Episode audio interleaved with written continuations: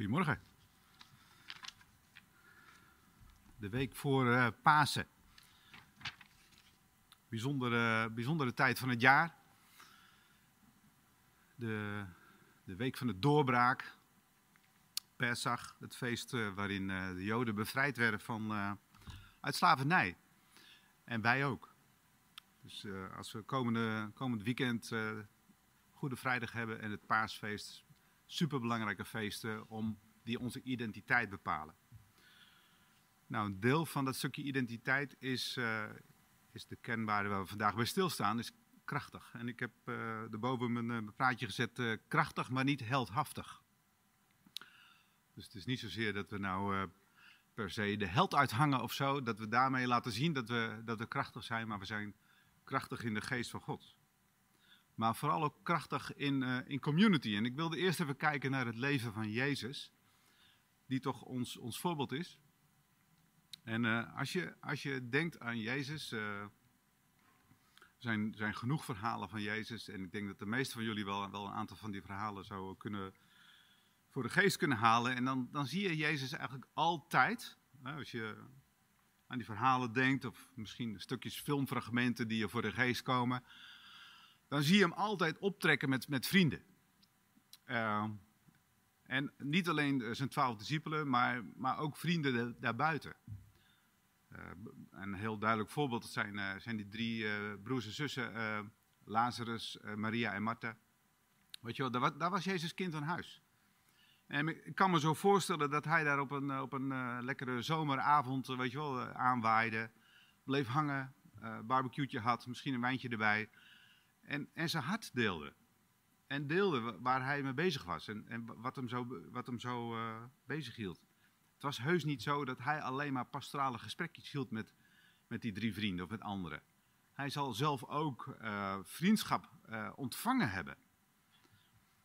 En de Zoon van God, weet je wel, die in vriendschappen opereert, die in relaties opereert, in, in relaties wandelt, in community wandelt en daar leven uitput. Daar uh, in, in dat uh, vieren, ook een van de kenwaarden, in dat vieren van, van vriendschappen uh, kracht vindt, denk ik. Je ziet het ook als hij optrekt met zijn twaalf vrienden, de discipelen. Ook daar, hij, hij vraagt soms om hun, hun steun, hun nabijheid. Hij vraagt zelfs om gebed op een gegeven moment aan zijn vrienden.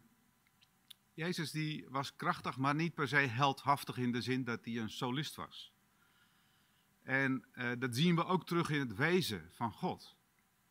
Vader, geest, zoon. Zij vieren elkaar, zij waarderen elkaar en ze zijn krachtig in community. Nou, dat is denk ik ook wie wij zijn. God heeft ons gemaakt, heeft gezegd: het is niet goed dat de mens alleen is. En wij als kinderen van God, als, als, als volk van God, wij mogen, wij mogen dat, dat stukje uh, van onszelf, waarin we merken van, van dat we uh, kracht putten uit, uit mensen die dichtbij ons staan, dat, dat, dat mogen we omarmen. Dat, weet je dat, dat hoort gewoon bij ons. En um, als ik terugdenk aan mijn eigen leven, de periodes dat, dat ik echt op de, op de klippen liep, dat ik gebroken was, uh, de periode dat, dat mijn zoon verongelukt was, waren de vrienden die, die dicht bij ons gingen staan. Mensen ook uit de gemeente, mensen buiten deze gemeente, die, die dicht bij ons gingen staan. Waar, en dat gaf ons, dat gaf ons, uh, dat gaf ons kracht. De periode dat ik, dat ik met kanker worstelde, weet je wel, zocht ik mensen op die daar ook doorheen waren gegaan. Ali de Goede, Janne Koorneef. Ik, ik had hen nodig om te horen van hen, hoe zijn jullie daar doorheen gegaan? En, en dat gaf kracht. Dus kracht betekent niet per se heldhaftigheid. Betekent niet per se dat je het in je eentje hoeft te redden. Dat je, dat je de held uit hoeft te hangen. Kracht um, in God is daar waar Gods geest stroomt. Daar waar je community vindt. En ik wil, ik wil jullie allemaal oproepen, weet je wel. Uh, erken dat, wandel daarin, wandel, wandel op die manier met mensen om je heen. Ook met God. Paulus die zegt tegen zijn, zijn, uh, zijn, zijn geestelijke zoon uh, Timotheus. God heeft je niet een geest gegeven van, van, uh, van lafhartigheid. Die, dat, dat Bijbelvers kunnen we ook even zien. 2 Timotheus 1 vers 7. God heeft je niet een geest gegeven van vreesachtigheid, van laf, lafhartigheid, van intimidatie. Maar God heeft je een geest gegeven van kracht, van liefde en bezonnenheid. Dus Gods geest in ons is een bron van kracht. Gods geest in ons, wat je, als die stroomt, dat, dat, dat geeft leven. En dus waar, daar waar jij intimidatie ervaart, daar waar jij onvrijheid ervaart, kun je gewoon herkennen als een gebied waar, waar Gods geest niet volop de ruimte krijgt. Uh, en dat betekent ook dat je daar, dat je dat terug mag geven aan God en zijn aanwezigheid daarin mag uitnodigen. Zorg voor stilte. Dat is een, een uh, eerste, eerste praktisch advies wat ik zou willen geven. Weet je, laat jezelf lief hebben door God. Geef, zorg dat in de, de drukte van deze samenleving, dat je zelf regie neemt door uh, Gods hart te zoeken. Of om momenten te creëren in je week waarin Gods liefde mag stromen. Waarin, uh, waarin je je laat liefhebben. Jezelf tot een, eigenlijk tot een object van zijn liefde maakt. Um, een belangrijk Bijbelvers in mijn leven waarvan ik denk, Robert had het net eventjes over mysterie, is uh, Romeinen 5, 5, vers 17. Misschien kunnen we die ook eventjes zien. En heel, ik vind het een heel, uh, heel bijzonder vers. Er staat dat uh, veel meer zullen zij die de overvloed van de genade ontvangen, in het leven regeren door de ene, namelijk Jezus Christus. Er staat iets heel, heel aparts, dat wij zullen regeren in dit, in dit leven. Dus we weten allemaal misschien wel uh, dat ergens in openbaringen staat dat we in de, duizendjarige rijk of daarna zullen regeren met Christus niemand die precies snapt wat daarmee bedoeld wordt. Het wordt verder ook helemaal niet uitgelegd of zo, het wordt alleen genoemd. Ook al zo'n mysterieus vers waar je gewoon eindeloos over kunt mijmeren, wat dat nou betekent. Maar het betekent natuurlijk uh, functioneren in het karakter van God. Dus het heeft niks te maken met, met, met dominantie of manipulatie of intimidatie of iets dergelijks. Maar Paulus die zegt dat, in dit, dat we in dit leven al zullen regeren. Zullen regeren uh, vanuit genade, door genade. Nou, wat is regeren? Het is in ieder geval niet reageren. Dus mensen die leven vanuit reactie, uh, weet je wel, iemand uh, zegt iets tegen hen wat ze niet leuk vinden en papt, ze reageren erop met een, met een vervelende opmerking terug. Dat soort dingen is niet regeren. Regeren is de cultuur van het koninkrijk neerzetten. Is de cultuur van het koninkrijk laten zien. In je relaties, in je onderneming, daar waar jij werkt. Dus wij als gelovigen hier in, in Ede en in de Veluwe, weet je, als wij regeren in dit leven, zegt Paulus, dan zetten we het cultuur van het koninkrijk neer. En dat is krachtig.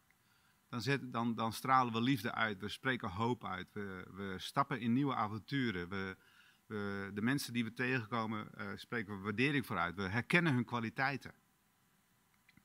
Dat betekent dus dat je eigenaarschap neemt. Um, maar wat we denk ik heel veel om ons, om ons heen zien in, in, kerkelijke situaties, is, is dat we een, soort troostbeweging zijn. Te veel zijn we dat, denk ik. Uh, en, daarmee houden we elkaar klein. Als, we, um, weet je, als je altijd maar, maar, zoekt om troost in een kerk, of als, als leiders de, de neiging hebben om altijd maar troostboodschapjes te geven Je, dan hou je jezelf klein. Dan houden we onszelf klein. Onszelf als christenen. Maar Paulus zegt dat we zullen, in dit leven zullen we regeren. Nou, volgens mij is dat een apostolische boodschap om de wereld te veranderen.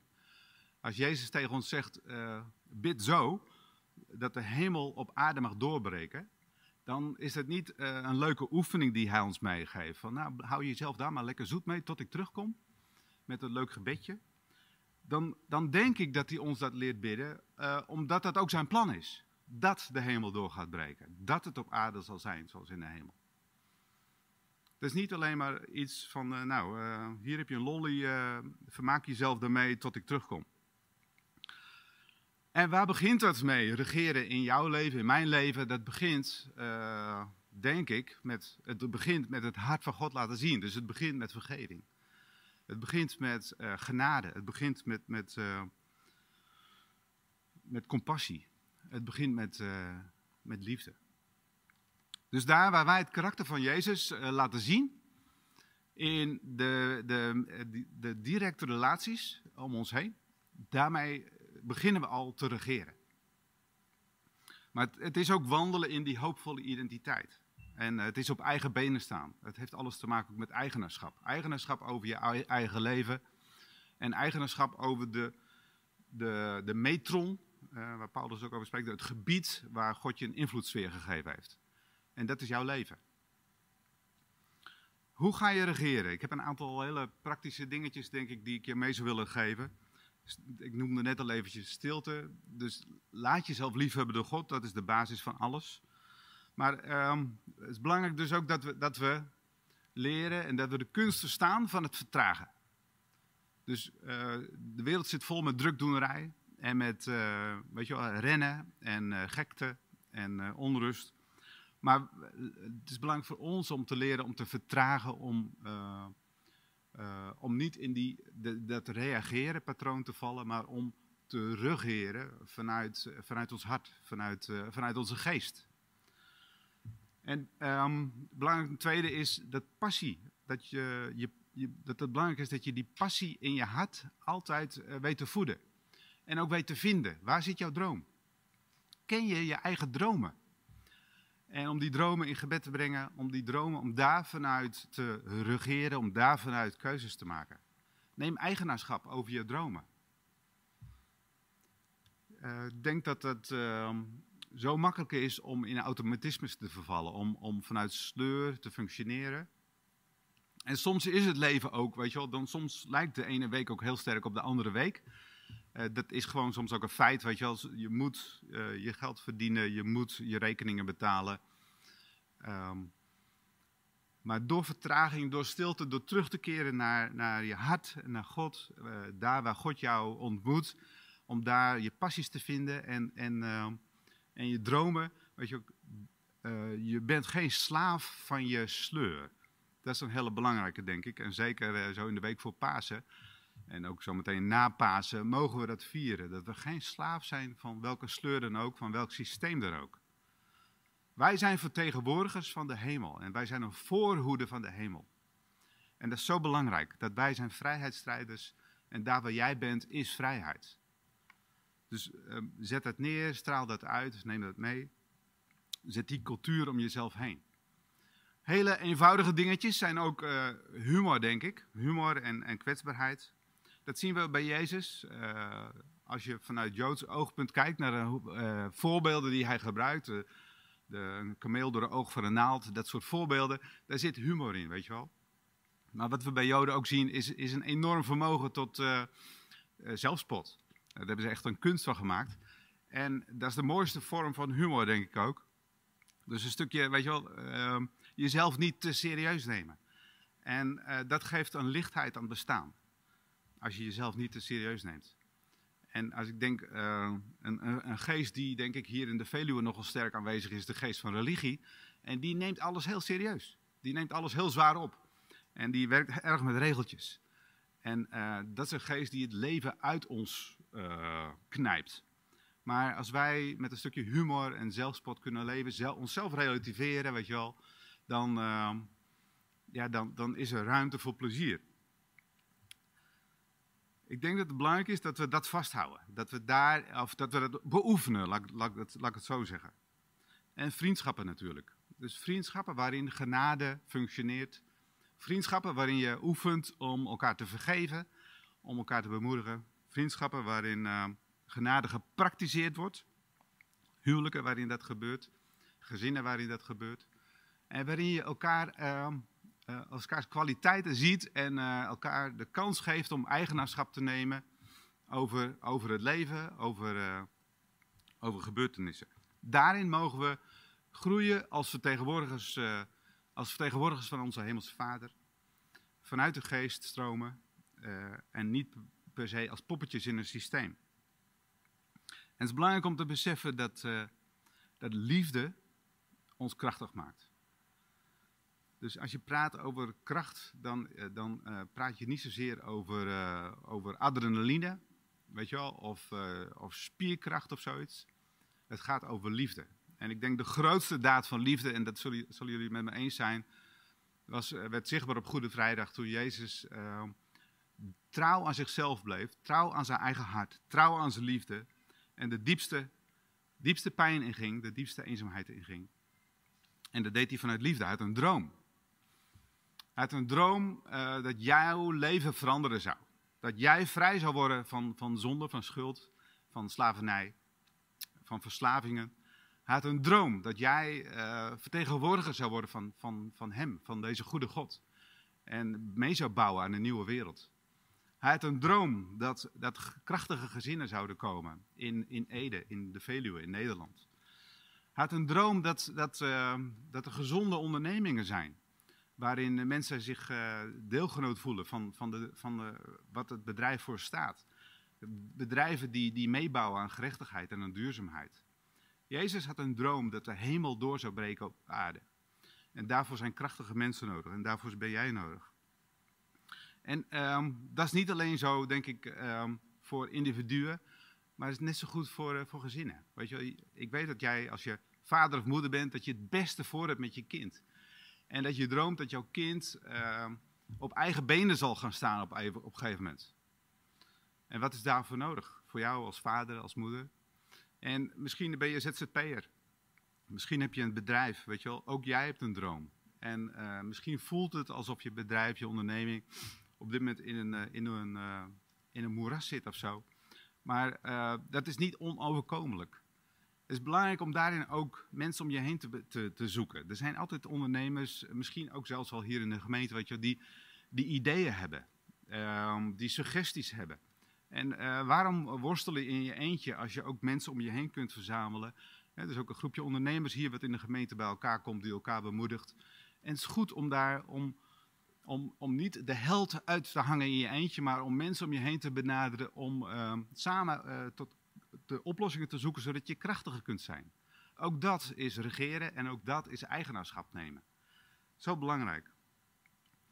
Dus als je praat over krachtig, uh, er zijn een aantal dingen, denk ik, die daarin belangrijk zijn. Is krachtig communiceren, krachtige gezinnen en krachtige ondernemingen. Nou, wat is nou krachtig communiceren? Dat is denk ik gewoon eerlijk zijn. Eerlijk zeggen wat je wilt, uh, waar, het voor, waar, je op sta, waar het voor staat. Het is ook veerkrachtig. Dus niet zozeer uh, als iets tegen zit of als iets je niet bevalt of als je het uh, niet leuk vindt, dat je dan eh, defensief reageert. Maar ehm, eh, als je fout zit of als je iemand gekwetst hebt, dat, dat makkelijk toegeven. En daar, daar sorry voor zeggen, daar vergeving voor vragen en vergeving voor geven. Dus niet defensief, maar, en ook niet offensief, maar uh, ontspannen en open. Krachtige gezinnen, daarin komen krachtige kinderen, staan krachtige kinderen op. En, en hoe kun je als ouders nou je kinderen krachtig maken? Dat heeft alles te maken met eigenaarschap.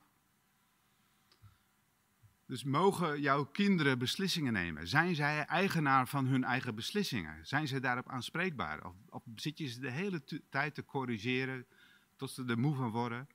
Weet je wel, zit je de hele tijd te, te, te zeggen van ik ga een, een, een, sanctie geven of ik ga, uh, weet je wel, dat je maar blijft herhalen, blijft uh, zeggen van uh, dat mag niet of dat hoort niet, tot ze er moe van worden. Of, of, laat je ze ook een fout maken en geef je ze op een volwassen manier, op een, op een, op een eerlijke manier gewoon een, een consequentie die, die past bij hun gedrag, waardoor ze leren wat er gebeurt.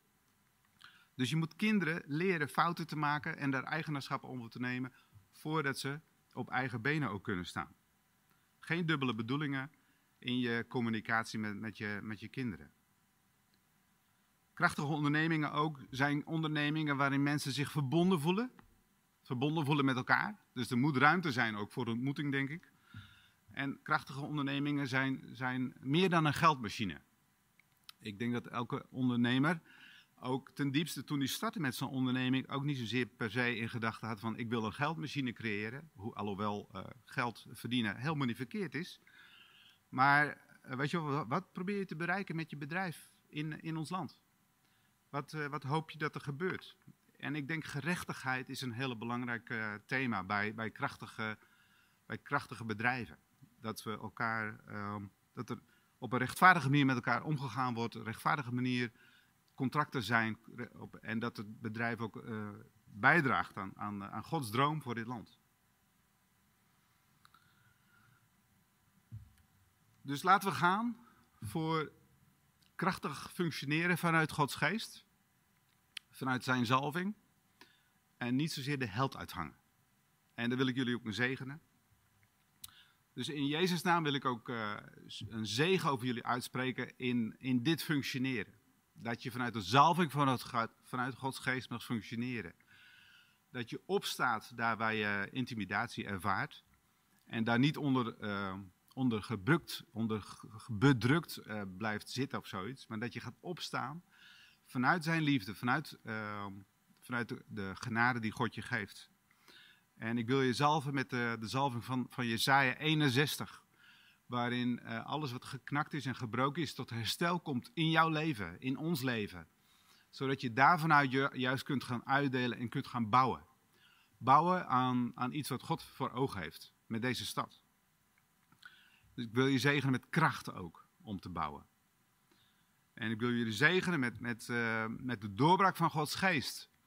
Dat Gods geest in deze regio doorbreekt. Dat dit een omgeving zal zijn waarin, waarin waarin de hemel zichtbaar is en waarin door het leven van de christenen, die niet, uh, weet je, die niet in, vanuit slavernij leven, maar vanuit, vanuit hun identiteit als zonen en dochteren van God, dat, dat er geen plek meer is voor ziekte hier. Dat, uh, dat er geen plek meer is voor kanker in deze regio. Dat er creativiteit losbarst en aanbidding. Dat we een plek zijn waar, waarin mensen vanuit passie, vanuit dromen zullen leven. En dat er een omgeving zullen zijn waarin, waarin gezinnen sterk zullen zijn. Daar wil ik jullie mee zegenen, wil ik ons mee zegenen. En uh, laten we daarvoor gaan. Amen.